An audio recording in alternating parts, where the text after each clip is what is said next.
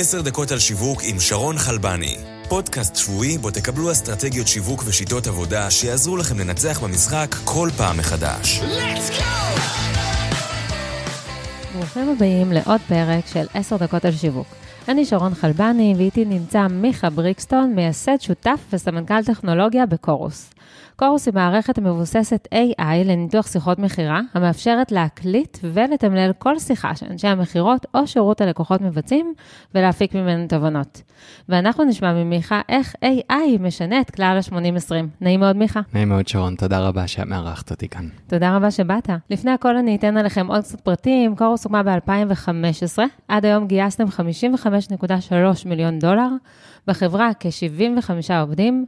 בין הלקוחות שלכם נמצא חברות כמו פנדורה, זום, אדובי ומרקטו. היקפי המכירות השנתיות שלכם עומדים על מיליוני דולרים בשנה. אז אה, בואו נתחיל.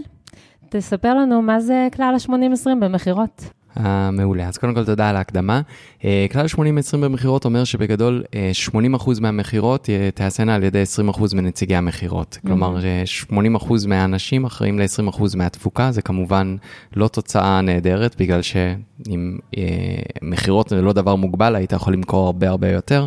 אז אם היינו מגיעים לככה 50, ש-50% אחראים ל-50 זה נהדר, כי סביר להניח שהמכירות היו גדולות יותר. אז איך AI משנה את כלל ה-80-20? אז אה, אם אתה לוקח AI או בינה מלאכותית ומנתח הרבה מאוד שיחות, אתה יכול לראות דפוסים של מה פועל ומה לא פועל, ולראות למעשה מה מבדל את אנשי המכירות הטובים ביותר והופך אותם לכאלה טובים. Mm-hmm. ברגע שאתה לומד את זה, אתה יכול להשתמש ב-AI ובתובנות האלה כדי ללמד ולהפוך את אנשי המכירות, את ה-80% שלא מוכרים או לא מוכרים, את, לא, לא, לא נחשבים ב-20% שמוכרים את ה-80%, כן. אה, איך להתק, להתקרב יותר ל-20% האלה. דרך אגב, יכול להיות שבעתיד אה, אנשי המכירות מערכות יוחלפו על ידי uh, מערכות, ואנחנו נעבור את אותו תהליך כמו שעברנו עם המכוניות האוטונומיות, אנחנו רק נשב מאחורי ההגה ונפקח. Uh, אז אני חושב שזה...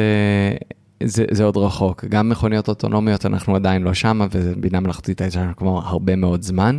Uh, אני חושב שבשנים הקרובות אנחנו לא נראה את זה. Uh, היכולת להחליף בן אדם בשיחה לא טריוויאלית, שבה אתה ממש משכנע מישהו ולא מנסה לקבוע איזה תור או משהו כזה, אנחנו עוד רחוקים משם, הניואנסים הם... רחוקים.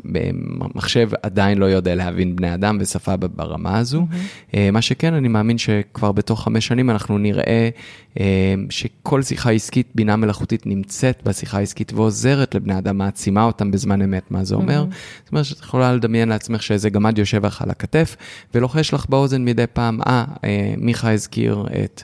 החברה הזו והזו, אלה פרטים שיכולים לעזור. או, אה, תשמעי שרון, את כבר מקשקשת חצי שעה שלמה ואת לא מפסיקה לדבר, תשאלי את הבן אדם אם הוא עוקב או נמצא איתך, אה, אז דברים כאלה. אז אני חושב שאנחנו נראה... אה, שבינה מלאכותית תעזור ותסייע ותעצים בני אדם, אבל לא תחליף אותם בשנים הקרובות. כן, הייתי שמחה על איזה דמות כזאת לידי בסיטואציות של, אה, של מכירה. טוב, אז מה דעתך לעשות לנו איזשהו אה, שיעור קצר ולחלוק איתנו כמה תובנות שיהפכו אותנו להיות אנשי מכירות טובים יותר? אחלה, אני לא מבטיח שהנקודות האלה תהפוכנו אתכם לאנשי מכירות טובים יותר, ואני כן אשמח לספר על דברים שמבדלים אנשי מכירות מעולים. אז דבר ראשון, אם היית צריכה לנחש אנשי מכירות טובים במהלך שיחה, שואלים שואלים פחות או יותר שאלות מאנשי מכירות פחות טובים? יכול להיות שאנשי מכירות טובים שואלים קצת פחות שאלות? לא, אז מסתבר שהם שואלים את אותם מספר שאלות בדיוק mm, בממוצע, לגמרי, זו הייתה לא, שאלה לא הוגנת, אבל מה שכן, הם שואלים שאלות פתוחות, שאלות כאלה שגורמות ללקוח הפוטנציאלי להיפתח ולהסביר את המצב אה, אה, ואת הצרכים שלו הרבה יותר טוב, וככה הם מבינים למי הם מוכרים. אוקיי, okay, זה בעצם לא מספר שאלות ששואלים, אלא מה בדיוק שואלים. זה mm-hmm. איך שואלים. ואיך שואלים, כן. אתן לך דוגמה, אני יכול לשאול אותך, אמ, תספרי לי מי מקבל ההחלטות בארגון שלך, mm-hmm. ואת צריכה לענות במילה אחת או במשפט אחד קצר, וזה גם משפט מאוד תקיף, כי אם את לא מקבלת ההחלטות בעצמך, זה לא כל כך נעים להגיד את זה. מצד שני, אני יכול לשאול אותך, שרון, מוכנה לספר לי קצת על תהליך קבלת ההחלטות אצלכם? Mm-hmm. וזה פותח לחלוטין. אמ, אז זו דוגמה אחת, דוגמה אחרת נהדרת. השימוש אה, בשפה הוא מאוד שונה בין אנשי מכירות מעולים לאנשי מכירות פחות טובים. לדוגמה, אנשי מכירות מעולים ישתמשו בשפה הרבה יותר שיתופית ולא מפלגת, אז הם ישתמשו באנגלית לפחות ב-we ו-us ו-together, בעיקר סביב אה, דברים כספיים כמו חוזים, mm-hmm. לעומת אנשי מכירות פחות טובים שישתמשו במילים שהן מפלגות, I ו-you, אני מול, מול אתם. מעניין אם התובנה הזאת היא נכונה גם לצורך העניין לפוסטים שחברה כותבת בעמוד הפייסבוק שלה? אני חושב שזה נכון לכל תחום בחיים. כשאתה mm-hmm. מנסה לגרום לבן אדם לעבוד יחד איתך, אה, לגרום לאמפתיה, לגרום להבנה שאנחנו באותו צד, שאנחנו לא בשני צדדים שונים, זה... כן. כן, האמת שגם עם הילדים שלי, כשאני אומרת אנחנו, זה אחרת מאשר אתה. כן. כן. עכשיו, אה, תגיד, זה נכון שאיש מכירות טוב אמור לדבר פחות מהלקוח? אה, זה תלוי בשלבים, באיזה שלב במכירה. בשלבים אה, אה, מסוימים זה נכון, עדיף להקשיב, בשלבים אחרים, כמו הדגמה של מוצר, עדיף אה, לדבר יותר. כשלקוח אה, שואל שאלה על מתחרים, איך צריך להתנהג? אה, אז קודם כל לא להיבהל, זה דבר ראשון, זה סימן טוב. אה, אם הלקוח שואל על מתחרה, זה אומר שהוא מכיר את השוק, מבין אותו, עשה את החקר שוק, וכנראה מוכן לקנייה הרבה יותר. אה, אז להכיר את המתחרים היטב, לדעת מה נקודות המכירה כנגד, וללכת משם. ומהניסיון שלכם, מתי נכון לעשות פולו-אפ? אה, אז במהלך שיחה, מה שקורה זה שאנשי מכירות הכי טובים אה, יתחילו לעשות את הפולו-אפ ולקבוע את הצעדים הבאים הרבה יותר מוקדם בשיחה מאשר אה, אנשי מכירות פחות טובים. למעשה כבר באמצע השיחה הם יתחילו לדבר על הצעדים הבאים ועל איך מתקדמים מכאן ואילך, ומנסים לבר... לראות אם יש פושבק כבר בשלב הזה. כאילו באמצע השיחה, לזרוק ללקוח אה, שיהיה לו בראש, הוא צריך אחר כך לחשוב על הדברים, ואתה כבר תחזור אליו בעוד איקס זמן, ואז להמשיך לדבר. זה אה, משמעותי כן, יותר מאשר הם אומרים את זה בסוף? כן, לגמרי. זה לא רק לזרוק, זה ממש לקבוע, טוב, אז זה בסדר שאנחנו נשלח את, ה, אה, את החומרים כדי שתעיינו תעיינו בהם אה, ותחזרו אלינו שבוע הבא, להגיד את זה באמצע השיחה. אם יש ללקוח בעיה, הוא יציף את זה אז ולא בשנייה האחרונה ולא יהיה לכם רגע לתקן. Mm. הבדיקה הזאת ש- שעושים באמצע השיחה, זה לבדוק שאתם מיושרים לגבי פחות או יותר מהצעדים הבאים. לא צריך לקבוע את כולם, אבל זה נותן אפשרות, זה... אה, אה, אה, מנביט את הניצנים האלה של מה, איך, איך הולך להיות בסוף. בסוף השיחה סוגרים חוזה אחרי שלחץ, אחרי שכבר דיברת על התנאים באמצע הפגישה. איך הופכים התנגדות לאפשרות? אז אני חושב שלנסות לשאול כמה שיותר ולהבין כמה שיותר מאיפה, מאיפה ההתנגדות מגיעה, להיות כמה שיותר אמפתיים, לנסות להבין מה באמת עומד מאחורי ההתנגדות הזאת. ברגע שחושפים את זה, הרבה יותר קל להגיע לפתרונות שהן ווין ווין. זאת אומרת, מתוך אמפתיה. מתוך אמפתיה, סוג של הזדהות. אבל לא, לא אמפתיה או הזדהות מעושה, אלא באמת לנסות להבין. דבר ראשון, לנסות להבין מאיפה ההתנגדות מגיעה. ברגע שחושפים מאיפה ההתנגדות מגיעה, הרבה יותר קל לפתור אותה. אוקיי. Okay. אה, עוד איזה שהן תובנות מעניינות? אמ, אמ, חושב... אולי משהו רכילותי מאיזושהי חברה. תן לי כן, משהו מזום.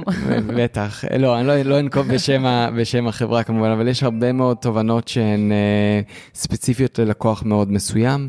אה, אז אה, בחלק מהחברות גילינו לדוגמה שאנשים משאירים כסף על השולחן, הם מציעים הנחות הרבה לפני שיש צורך לעשות את זה, וזה לא משנה את אחוז הסגירה. מה שעשינו זה פשוט ניתחנו עשרות אלפי שיחות שלהם וגילינו באופן אורגני שהם שאנשים מציעים אה, הנחות, אה, גם כשזה נוגד את המאפיינים ש, שהם הגדירו mm-hmm.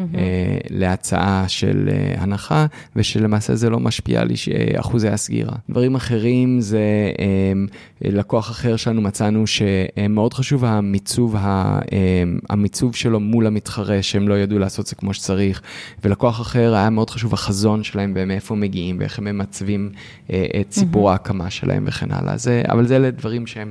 אה, ספציפיים לכל ארגון ש... כן, מעניין. שנצטרך להשתמש במערכת שלכם בשביל לגלות אותה, כן, לארגון כן, של, כל אחד לארגון שלו. כן. אה, טוב, בוא נסכם את הפרק באיזשהו טיפ ממך למאזינים ולאנשי השיווק שמקשיבים לנו. בטח, בשמחה. הטיפ הכי גדול שלי זה שסטארט-אפים זה...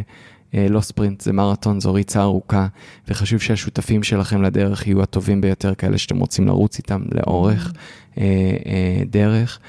תבחרו את השותפים שלכם בצורה הטובה ביותר. לבחור את השותפים. כן. טוב, תודה רבה, מיכה. בשמחה. Uh, אני מזמינה את כל המאזינים שלנו להיכנס לאתר האינטרנט, ושם לראות איזשהו סרטון אקסטרה, כמה שאלות אישיות שאני הולכת לשאול את מיכה והוא לא מכיר אותה. תיכנסו לאתר ונמשיך משם. להתראות. תודה רבה. עוד פרק של עשר דקות על שיווק הגיע לסיומו. אנו מזמינים אתכם להירשם ולקבל אסטרטגיות שיווק ושיטות עבודה מהאנשים המובילים בתעשייה. אל תשכחו לדרג ולכתוב ביקורת על התוכנית כדי שנוכל להמשיך לספק לכם תוכן איכותי. נתראה בשבוע הבא בעוד עשר דקות על שיווק עם שרון חלבני.